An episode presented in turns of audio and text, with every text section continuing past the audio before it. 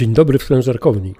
Sprężarkownia to podcast, gdzie znajdziesz potrzebne Ci informacje o pomieszczeniu sprężarek, samych sprężarkach śrubowych lub łopatkowych, systemie uzdatniania sprężonego powietrza i instalacji sprężonego powietrza.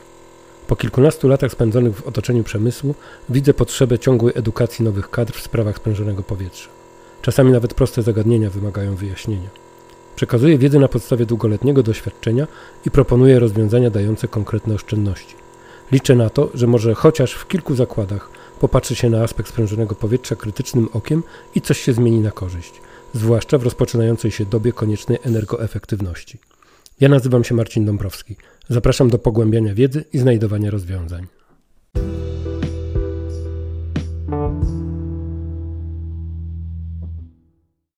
Serwis sprężarek śrubowych na etapie uruchomienia. W serwisowaniu kompresorów powinieneś brać pod uwagę kilka scenariuszy w okresie gwarancyjnym i pogwarancyjnym. Regularne serwisowanie sprężarki jest ważne, jeśli chcesz zapewnić jej jak najdłuższą sprawność. To z kolei jest ważne dla realizacji Twoich celów produkcyjnych i konkurencyjności na rynku. Aby świadomie podjąć decyzję, ten podcast pomoże Ci zobrazować aspekt rozpoczęcia eksploatacji sprężarki, z jakim możesz mieć do czynienia.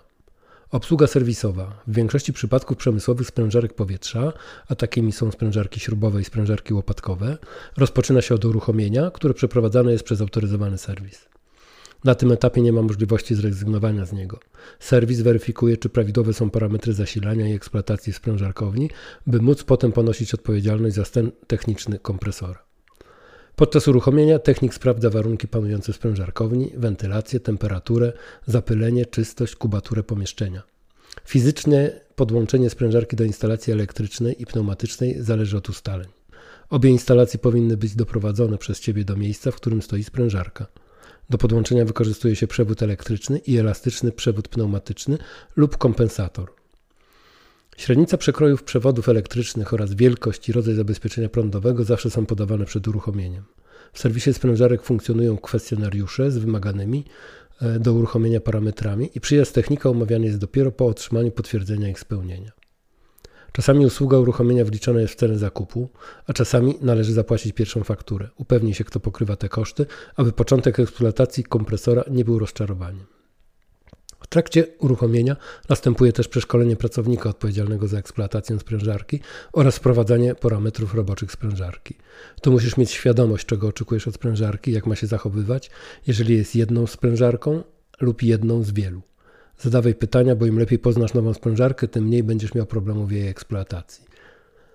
Podczas uruchomienia może też nastąpić omówienie i podpisanie umowy serwisowej, która określa zasady współpracy na najbliższe lata. Uwaga, reguła jest taka, że sprężarka objęta jest gwarancją producenta przez określony czas, zwykle dłuższy niż podstawowy okres gwarancji, ale zobowiązujesz się do korzystania z autoryzowanego serwisu sprzedawcy i oryginalnych części zamiennych i środków smarnych. W naszej ofercie mamy sprężarki Garner Denver, Hydrovane, Champion i Comper. Są to kompresory śrubowe i kompresory łopatkowe. Jeżeli planujesz zakup sprężarki jednej z tych marek, to wiedz, że opcje okresu gwarancyjnego to 2 lata, 5 albo 6 lat i 10 lat w zależności od rodzaju sprężarki i marki.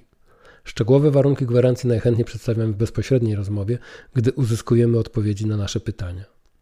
Alternatywą może być zaakceptowanie podstawowego okresu gwarancji i związanie się w okresie pogwarancyjnym z niezależnym serwisem lub przejście na nieoryginalne części, ale tej samej wysokiej jakości.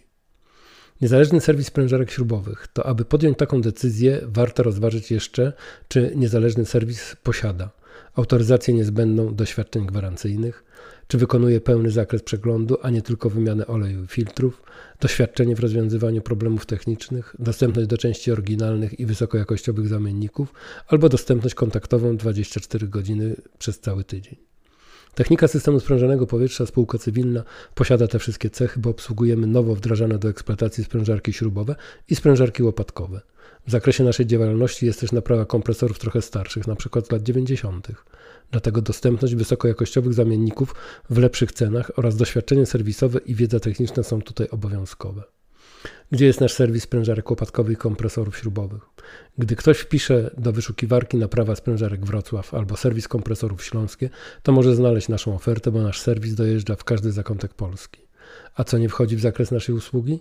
Naprawa sprężarek tłokowych nie wchodzi w zakres naszej usługi. To zadanie dla innych firm wyspecjalizowanych w obsłudze tego typu kompresorów i nie chcemy zabierać im klientów.